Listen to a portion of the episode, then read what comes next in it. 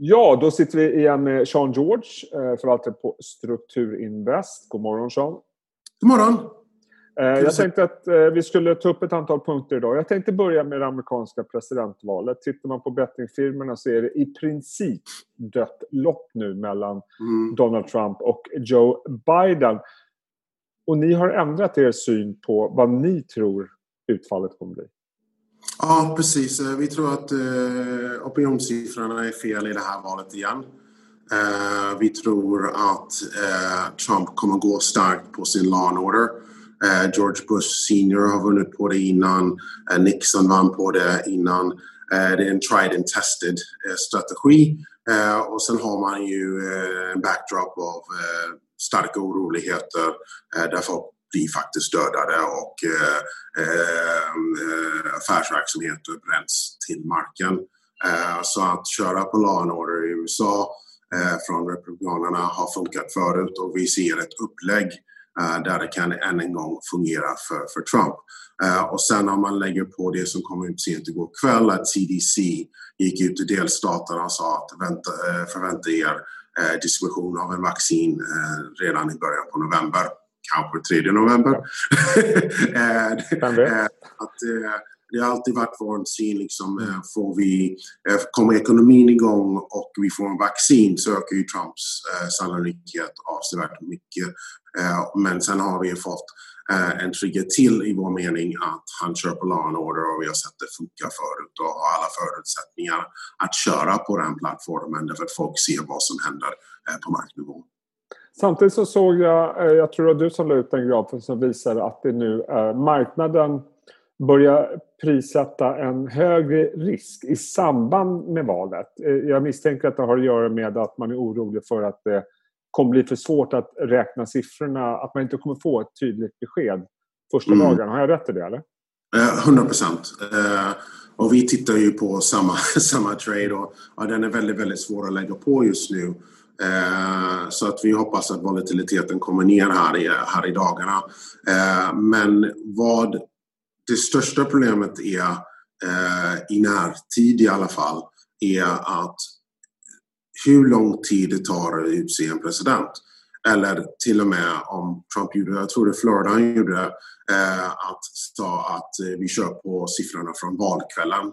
Eh, därför det är för svårt att räkna poströster. Uh, gjorde han uh, i en, um, en delstatsval. Uh, och det, det, det, skulle skapa en oerhört kaos och uh, jag tror våldsamheter på marken. och marknaden gillar inte ovisshet. Eh, det vet vi alla. Eh, marknaden är liten som, som, som en tonårsbarn. Eh, eh emotionell trainwreck. Eh, och om man inte vet vem som är president och man ser oroligheter runt det eh, så tror vi att eh, det, blir en, blir, det kan bli en sättning sist. Eh, det, det, tog tid att, att räkna rösterna. Eh, så var ju aktiemarknaden ner liksom mellan 10 och 15 procent. I det här fallet tror jag att det skulle kunna vara en större siffra än mer än 10-15 procent. Så hur handlar ni på det här? Hur positionerar er nu ett par månader innan valet? Så vi har positionerat oss lång marknaden därför att eh, vår utgångspunkt är var, eh, vare sig Biden vinner eller Trump vinner eh, så har vi enorma stimulanser i, eh, i, i marknaden, både fiskala och kvantitativa. Eh, så att vi är väldigt positivt lagda till marknaden. Eh, vad vi gör är, och vi försöker tajma den, eh, är att vi försöker, eh, vi kommer inte eh, vi blev rekommenderade en trade igår att uh, vi, vi säljer ju aldrig eh, optioner men att det eh, var, var en väldigt, väldigt stor framgångsrik global bank gjorde för att de, de köpte volatilitet fram till oktober och sålde volatilitet eh, för november. Och jag tror att det är felaktigt. Jag skulle förmodligen gör tvärtom om, om vi la på en sån trade. Så vi försöker gå längre ut. Vi försöker liksom hitta någonting i januari, februari så man kommer hela vägen. För jag säger inte att det kommer ta till januari och februari eh, för att få, eh, få ett svar på det här. Men att man, har, man äger volatilitet eh, en lång tid efter eh, Horizon Event, vilket är den 4 november. Då. Uh. Du, du var lång marknad. Jag vet att du inte brukar prata så jättemycket om aktier, men om man tittar på börsen just nu det är ett otroligt starkt momentum. Vi har ett par dagar in i september, vi är redan upp 2-3 procent sånt där, tror jag, på S&P. Eh, vi ser hur det är stora techbolag som eh, nästan driver börsen helt. Eh, pratas det någonstans om bubblor? Eller liksom, eh, känner du när du pratar med dina kontakter att det ändå finns en oro för att det går för fort? Absolut, tech valuations är ju väldigt höga eh, och om, om marknaden börjar repa sig Eh, en kompis till mig, Nelson Rangel, eh, la ut någonting härom, häromdagen. Han driver en jätteframgångsrik eh, sydamerikansk hedgefond. Eh, och eh, eh 61 procent av eh, S&P är fortfarande ner eh, på året. Så att det finns mycket value kvar. Så vad man behöver göra är liksom man behöver titta förbi FANG. Därför om man tittar, om man räknar med FANG så kanske man säger att marknaden kan vara övervärderad. Men har man, tittar man på det som är, liksom har inte kommit ikapp eh, som skulle faktiskt gynnas av en vaccin och att liksom världen återgår till någonting som kan låtsas vara eh, normal eh, så finns det mycket grejer som man kan plocka upp som är relativt billigt. Eh, jag, eh, inte att jag skulle någonsin eh, personligt eller i fonden blanka en Fanny-aktie eh, men det finns folk som är där ute och kör lite korståg på dem nu. men jag, jag, jag, är inte en aktieperson men jag säger, säger vad jag säger till alla som frågar den frågan är att FANG är inte S&P mm. och om man tittar på S&P, eh, och det har jag sagt under flera månaders tid, det finns fortfarande mycket bolag som, som är intressanta där. Eh, och det gäller att hitta dem och våga, våga lägga på risken eh, där. Och eh, det, det är det vi spenderar vår tid med att jobba på och hitta bra bolag som, som kanske får en skjuts upp här i fjärde kvartalet. Ja, och, och vi har ju sett, vi såg bra PMI-siffror häromdagen. ADP-siffrorna igår var väl lite sämre men det känns ändå som makrobilden är på väg åt rätt håll generellt sett. Och så det du nämnde om vaccin och så vidare. Du menar alltså att den här majoriteten av aktier på börsen som inte är upp kan mm. faktiskt driva börsen ytterligare om vi får den här trenden. Är det så du mm. Ja, exakt så jag tänker. Eh, jag tänkte på en eh, annan sak vad gäller hur bedömer man bondmarknaden idag borta i USA? Liksom, den har ju stärkts under eh, hela tiden. Statsobligationerna eller? Ja, precis. Ja. Alltså, den, den är ju fruktansvärt svår därför att när Fed säger 2 inflation så, så, så, vill man ju närmast garva eh, ja. när man hör det. Därför de, de nådde ju inte det eh, riktigt eh, efter sista eh, finanskrisen. Då. Eh, så att eh, den, den, är, den är väldigt svårbedömd. Liksom, vi tar ingen ränterisk i fonden därför att jag är inte är en ränteexpert på något sätt. Jag har en vy att så småningom som så, du har ju negativa realräntor i USA, eh, men vad vi såg i eh, direkt när ehm, eh, ECB, eller när, när eh, dollar-euron kom upp till jag tror, 19 eller vad det var, så började ECB liksom försöka pressa ner eh, euron. Så att den, den här räntesituationen, eh, jag tror att ECB kommer att slå tillbaks Eh, Eh, så att eh, liksom om man slår ihop räntor med valutor, vilket är inte särskilt svårt, eh, så, så tror jag liksom det, det är många som liksom the dollar is dead. Och som man säger i USA, the fat lady hasn't sung yet.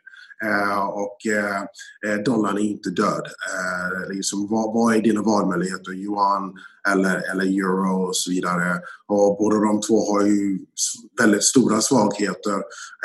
men om man tar ett steg tillbaks ränteläget här, jag, tror, jag vet inte om du får sådär jättemycket skydd i en portfölj med att vara lång räntor eh, mot aktiemarknaden, särskilt om du är långfäng mot, eh, mot statsobligationer. Jag tror inte den traden kommer funka nu. Eh, så att eh, det är, vad man ser är att det är många som letar saker och ting som är eh, som är korrelerade fast är, inte samma eh, för att eh, hitta en ny hedge.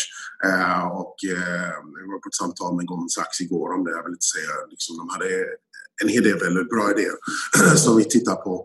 Eh, men liksom det här nedsida skyddet som du har i statspapper eh, är, är kanske inte där på de här nivåerna. Och om man tittar på den allmänna utlåningen till för amerikanska företag, vad ser du där? Ja, the haves and have-nots, eh, som man säger. Okay. Så, Eh, eh, så att de bolagen som, som jag skulle vara bekväm med att ha en riskklass 3-portfölj, eh, det vill säga bolag som inte är en rekonstruktion eller liksom att liksom på väg eller på gränsen till konkurs. Det tycker jag inte ska vara en låg eh, riskprodukt som, som, som jag ändå har. Eh, de bolagen har inga problem att låna pengar. Eh, det är väl de här trippel C-bolagen eh, som, som har svårt och liksom eh, lending conditions är, är väldigt tajta i USA. Eh, så att du, du kommer se Eh, fortsatt högre default i trippel B eller triple C-segmentet. Eh, men dubbel B uppåt tror jag fortfarande Eh, eller har fortfarande såvida de inte har någon, eh, någon chock till sitt, sitt, eh, sitt sektor eller sitt bolag kommer fort, fortsatt ha väldigt god tillgång till kapitalmarknaden. Eh, vi, vi såg ju enorma eh, nyemissioner som gjordes eh, förra månaden i USA. Eh, jag kan tillägga, eh, vilket jag tycker är rätt intressant, amerikanska kreditmarknaden är inte lika driven på inflödet till fonderna som den svenska. Den svenska kreditmarknaden gick urstarkt förra månaden för att det var mycket inflöden till svenska kreditfonder. Samtidigt så är det amerikansk investment grade kredit den sämsta månaden på två år mm. om man tar bort mars. Så att det, det, är liksom det är det är många bolag som kommer. Eh, det är frågor runt valet, det är frågor om eh, fundamentals. Så de grejerna som egentligen ska driva en kreditmarknaden som är likvid, som den amerikanska, eh, där, där såg vi att marknaden hade en jäkla... Så den är 1,7 procent, amerikanska IG, förra månaden. Så, så, en relativt stor besättning. Eh, som sagt den största på två år om man tar bort mars. Eh, så att man ska vara vaksamma på att, vi såg det igår, när amerikanska aktiemarknaden gick upp som starkast igår var kreditderivatindexerna ner för dem. Mm. I en jätteuppgång på aktier. Så att man, liksom, jag ska inte läsa för mycket in i det men vi vet vi har pratat om det förut, liksom när en kredit sticker ditåt och aktier fortsätter uppåt. Det är oftast en tidsfråga tills aktiemarknaden kommer ner till kreditmarknaden. Så att vi har sett de första tecken på att eh, kreditmarknaden är inte med på det här rallyt. Eh, men tillgång till kapital är väldigt diversifierad, det vill säga triple C och vi, har faktiskt, vi har ju faktiskt också sett en viss uppgång i VIXen. Ja, en väldigt stor uppgång i VIXen. En liten, om, om vi liksom har ett förstoringsglas där. Men, men, hur tolkar du det tillsammans med det du säger om kreditmarknaden? Är det så att aktiemarknaden kanske har sprungit lite för fort kortsiktigt? Det skulle inte förvåna mig om vi fick en, alltså det en, en, en sättning här skulle inte förvåna mig mm. överhuvudtaget. Men vi är fortsatt långa och positiva. Ja. Vi tror att den sättningen skulle köpas relativt snabbt. Uh, men, men det sagt är att jag tror att volatiliteten är delvis ökad på grund av att det är mycket hedgar. Folk har kommit tillbaka eh, efter sommaren. Eh, så har vi sett två grejer. Liksom, de har köpt väldigt mycket. Men så har de också sagt att okej, okay, det är september nu. Eh, vi har val i början på november så att mycket hedgar går på även om man är positiv nu. Så att, jag ska inte läsa... Normalt sett när du ser aktiemarknaden gå upp och VIX gå upp så är det en olika runt hörnet. Det kan det vara här också, mm. men den kan komma först runt november i, i min gissning. Eh, avslutningsvis, eh, Sean, vi pratade lite om skulder tidigare. Är det någon debatt i USA eh, överhuvudtaget kring den skenande statsskulden som nu har nått eh, historiskt höga nivåer? Ja, alltså det, det, är en tragedi för nästa generation så att eh, den måste ta tag, ta tag i, i mm. eh, snarare än senare. Eh, men just nu Eh, liksom, they're stuck between a rock and a hard place. Det, vad ska de göra? Eh, vi har en, en global pandemi. Eh, USA är väldigt hårt ansatt av den. Eh, du har inte de här sociala skyddsnäten som man har i Sverige. Det, det, det är svårt att förstå de här helikopterpengar eh, ur ett svenskt perspektiv. Man har ett skyddsnät som man, är, som man är, eh, har vuxit upp med men amerikanerna blir av med ett jobb så du har inga pengar. Mm. Eller du får inga pengar, du får ingen stöd. Eh, så att med den sociala eh, upplägget som man har i USA så, så är det väldigt svårt att gå in, att tvinga landet att stänga ner och samtidigt inte ge medborgarna pengar för att klara sig under en övergångsperiod. Och det är det som sker. Så statsskuld, men man, man ska definitivt tillägga att eh, Trump drog upp statsskulden bra med sina skattesänkningar innan. Eh, så att vi hade inte världens bästa eh, situation från en statsskuldperspektiv innan pandemin och så har det blivit avsevärt mycket sämre efter pandemin. Och det är inte bara i USA, liksom hela västvärlden har belånat nästa generations tillväxtmöjligheter för att klara igenom den här krisen. Men som sagt, vad har de för val? Väldigt få. Mm. Ja, eh, intressant eh, både kortsiktigt och långsiktigt att se hur det här utvecklas. Mm. Alltid lika kul att prata med dig Sean. Detsamma, detsamma. Sköt om dig. Ha det så bra. Ja, detsamma. Sköt om dig. Hej.